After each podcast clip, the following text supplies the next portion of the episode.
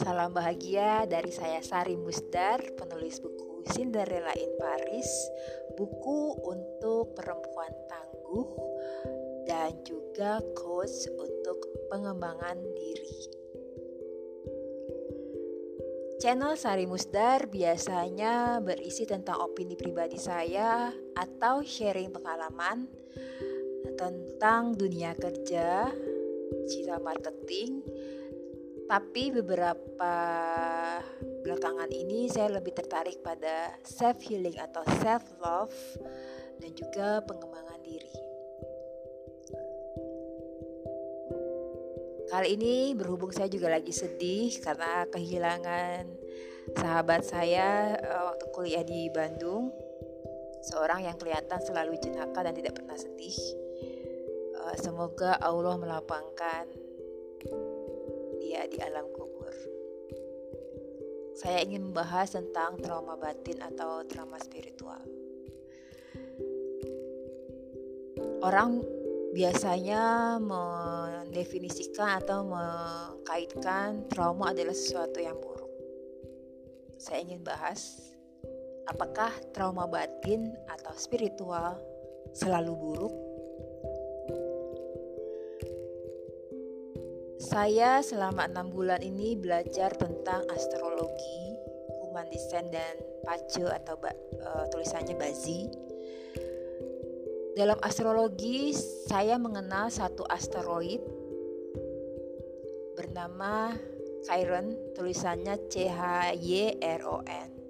Chiron dalam sebuah uh, tata surya, dia adalah suatu benda tata surya kecil atau asteroid di tata surya bagian luar yang ikut mengorbit mengelilingi matahari dan terletak di antara Saturnus, planet Saturnus dan Uranus.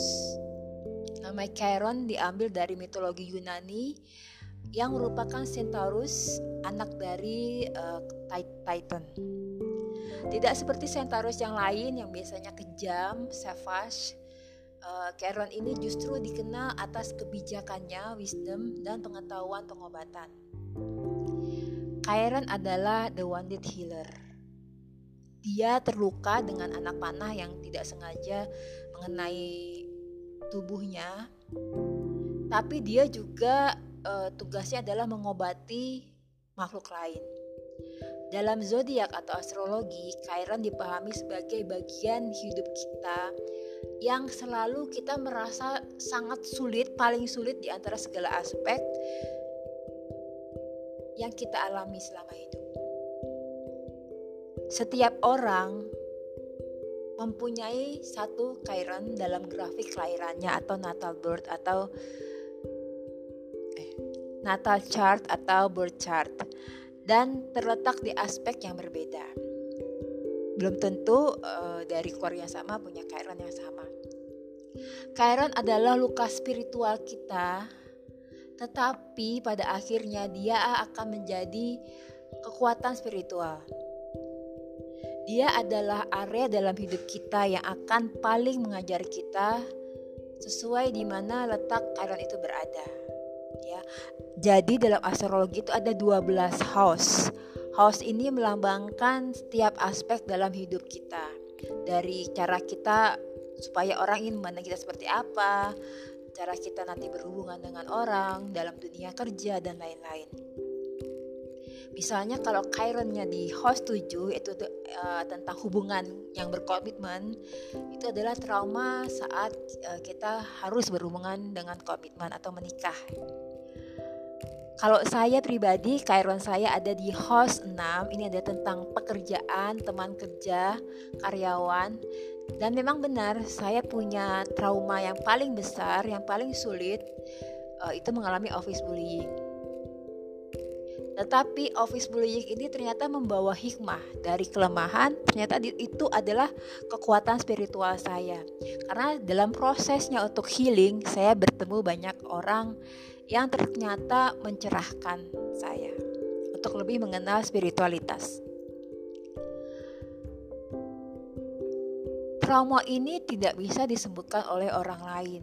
Tugas kita sendirilah di dunia ini untuk menyembuhkan luka-luka ini. menyembuhkan luka batin supaya kita jadi lebih kuat di titik terlemah kita. Bukan kita denial atau kita menghindari trauma, tapi kita harus menghadapi dan menyembuhkan.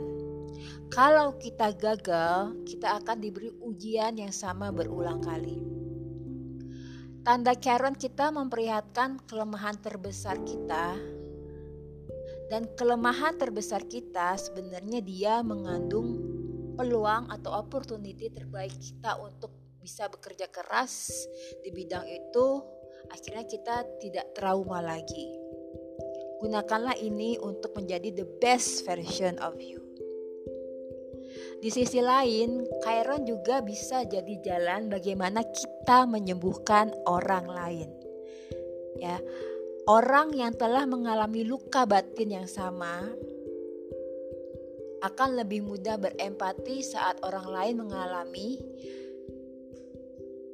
dan tentunya akan mudah untuk membantu orang lain untuk menyembuhkan lukanya. Kenapa?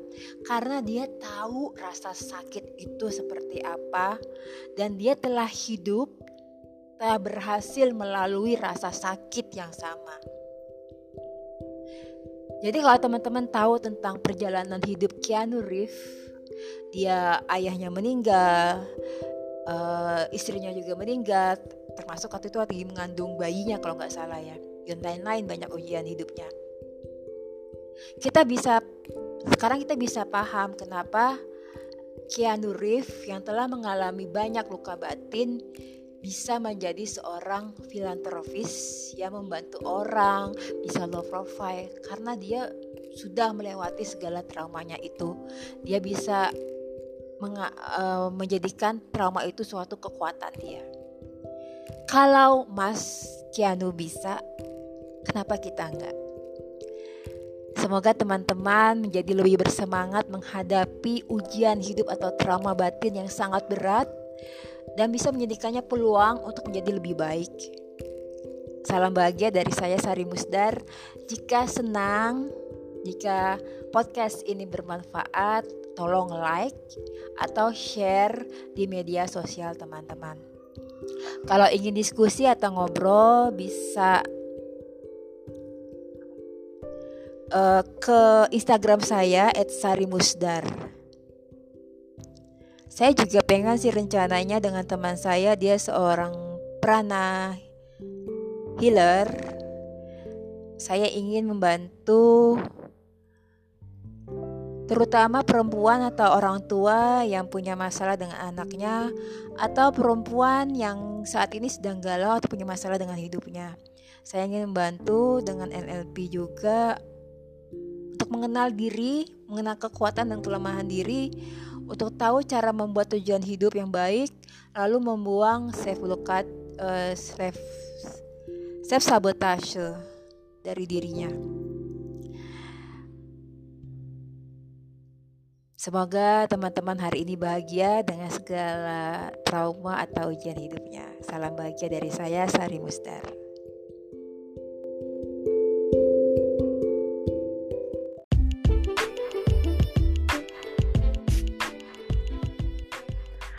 Hola, salam bahagia. Saya Sari Musdar, kos untuk pengembangan diri dan juga penulis novel bestseller Cinderella in Paris, novel untuk perempuan tangguh. Tapi laki-laki bisa juga baca.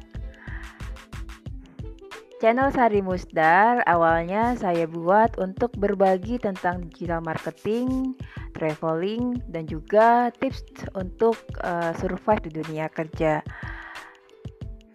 Tapi belakangan ini saya juga membahas tentang self love, tentang pengembangan diri, tentang astrologi dan juga pace ditulis Bazi.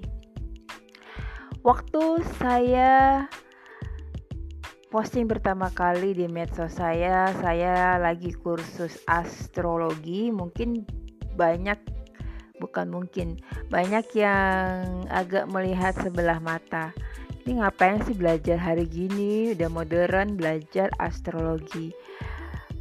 Orang biasanya kalau dengar kata astrologi atau dengar kata zodiak itu ingatnya yang ada di majalah yang cuma buat lucu-lucuan misalnya uh, percintaan, ramalan percintaan, karir dan keuangan untuk seminggu atau dua minggu atau sebulan. Waktu saya memutuskan untuk mengambil kursus ini kursus sebenarnya kursusnya online selama enam bulan. Materi utamanya adalah astrologi tapi saya juga dapat bonus human design dan juga pace serta nanti numerologi. Waktu saya mengambil kursus ini uh, saya mikirnya sih setelah saya baca-baca penjelasannya bahwa saya akan lebih tahu lagi tentang karakter manusia, terutama karena saya lebih tertarik di bidang pelatihan atau juga coaching. Menurut saya ini akan bermanfaat untuk lebih mengenal calon klien saya atau klien saya. Karena ternyata belajar astrologi, human design, pace itu butuh logika yang kuat karena kita mesti memahami filosofi dan uh, segala macam hal-hal yang ada di dalam astrologi, pace dan human design. Uh, contohnya astrologi. Astrologi itu konsepnya adalah setiap manusia walaupun bintangnya sama, kalau dia uh, birth chartnya beda planet dan benda-benda langit lainnya, benda-benda alam semesta lainnya, asteroid, bintang yang ada saat dia lahir itu beda, saat dia lahir hingga saat ini beda, itu akan beda. Kenapa? Karena setiap kita termasuk benda-benda alam semesta ya. Apalagi kalau besar gitu ya. Kita aja manusia punya energi apalagi benda langit yang sangat besar. Setiap energi itu saling mempengaruhi. Contohnya aja nggak usah jauh-jauh. Kalau terjadi pasang surut itu terjadi karena apa sih? Itu adalah uh, bukti bahwa ini sangat sebenarnya ilmiah ya. Hal yang logis untuk mempelajari astrologi. Jadi kalau teman-teman mau tahu astrologi itu adalah bahasa simbol. Jadi kalau di astrologi itu kita menggunakan tanda-tanda dari planet ataupun benda-benda alam semesta seperti asteroid apa dan bintang itu mereka sama semuanya punya simbol punya uh, kekuatan misalnya kalau Saturnus itu cenderung lambat, Mars itu cenderung agresif dan lain-lain.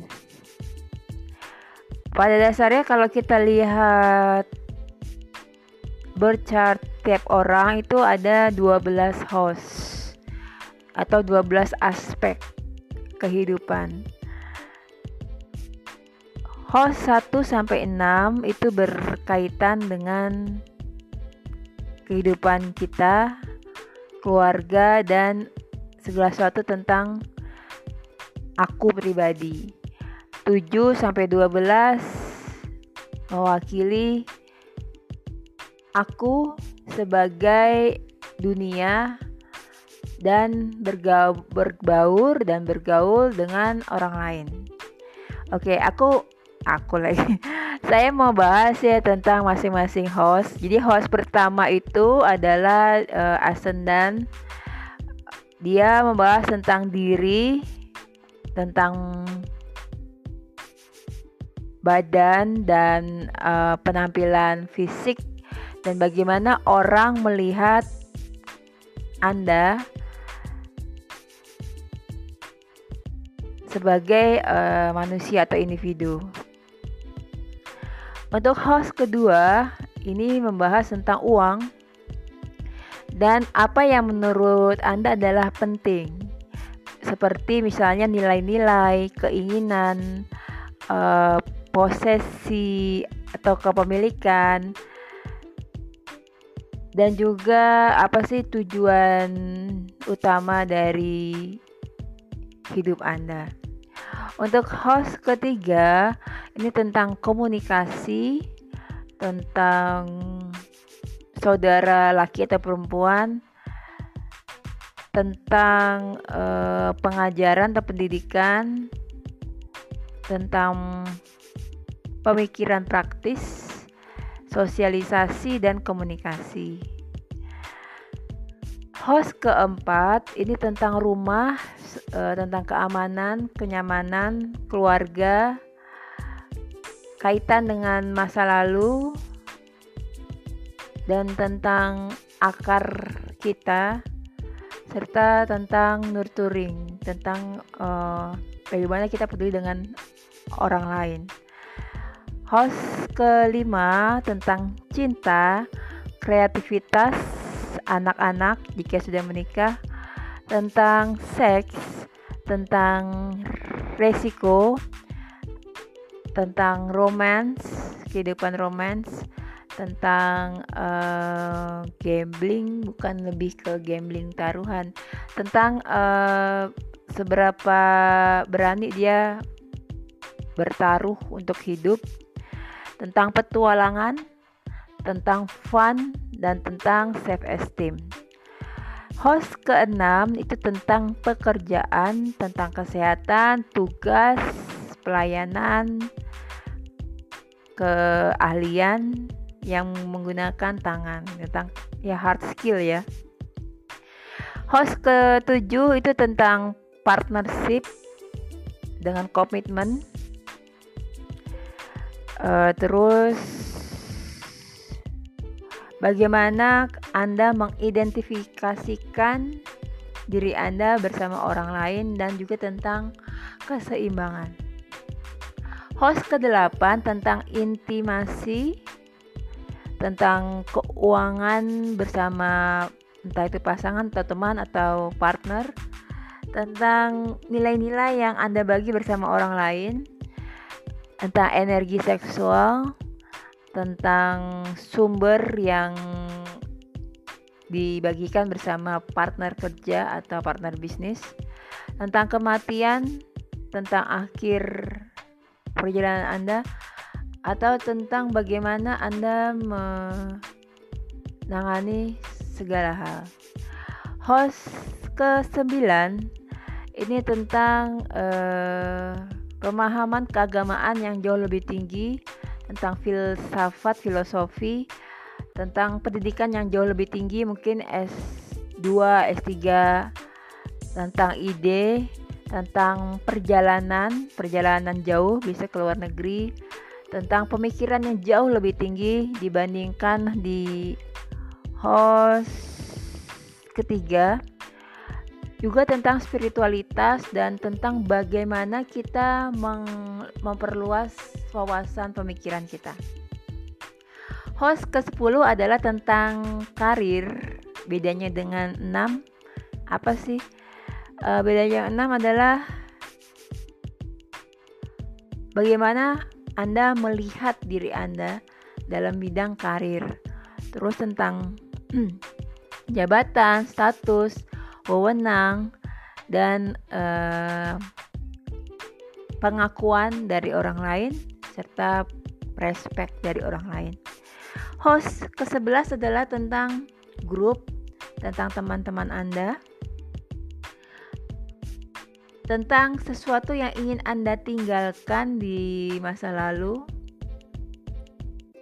untuk tujuan kemanusiaan atau tujuan lebih besar tentang penyebab Anda melakukan sesuatu yang lebih besar, tujuan, harmoni dan uh, pertemanan yang jauh lebih tinggi.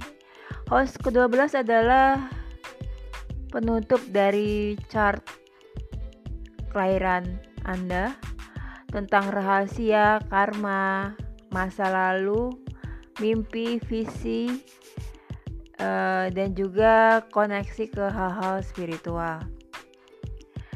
Itu adalah tentang astrologi. Jadi bukan semata-mata uh, ramalan ya. Karena setiap manusia sudah ditentukan blueprintnya berdasarkan jam, tanggal, bulan, tahun lahir, dan kota dia lahir. Jadi itu semua menentukan uh, chart kelahiran Anda. Misalnya matahari dan bulan itu adalah mempengaruhi personalit uh, kepribadian kita, Anda. Lalu matahari kalau dia sedang naik biasanya di itu akan menunjukkan aura kita, aura Anda. Uh, matahari dan Merkuri menunjukkan siapa Anda sebenarnya. Matahari dan Mars adalah apa yang mem, apa yang membuat menggerakkan Anda. Matahari dan Venus menunjukkan uh, gaya Anda dalam mencintai seseorang dan lain-lain. Itu adalah hanya contoh. Biasanya dari astrologi itu kita bisa tahu karakternya, terus uh, keberuntungannya ada di mana. Tadi keberuntungannya, kalau saya keberuntungannya di host 12 tentang spiritualitas Mungkin Anda beruntung di host 1, 2 sampai 11. Masing-masing orang beda. Ada juga tentang uh, kemampuan untuk merawat atau memberikan. Ada orang yang hobinya misalnya ngasih makan orang.